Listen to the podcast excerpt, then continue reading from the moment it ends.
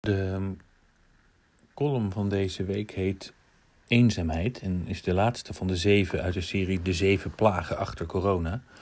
Door de coronacrisis is een flink aantal grote problemen op de achtergrond geraakt. Ik had het er de afgelopen weken vaker over. De laatste en een van de grootste is eenzaamheid.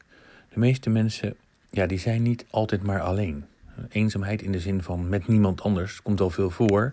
Vooral bij oudere mensen, dat is heel verdrietig. Maar nog veel vaker komt eenzaamheid voor te midden van anderen.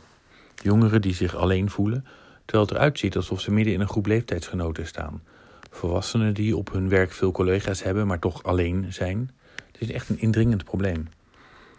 Gezellige en niet direct hele serieuze activiteiten aanbieden, vanuit werk, school of maatschappij, dat kan helpen. Maar vaak doen mensen die zich echt alleen voelen daar niet aan mee. Dat is een grote drempel.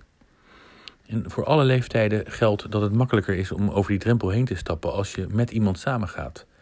Het ik ga vanavond of vanmiddag naar en kom je mee.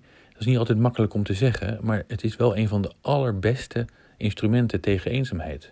Voor alle soorten en maten van mensen. En als jij of als u nou gevraagd wordt, durf dan ook eens ja, oké te antwoorden.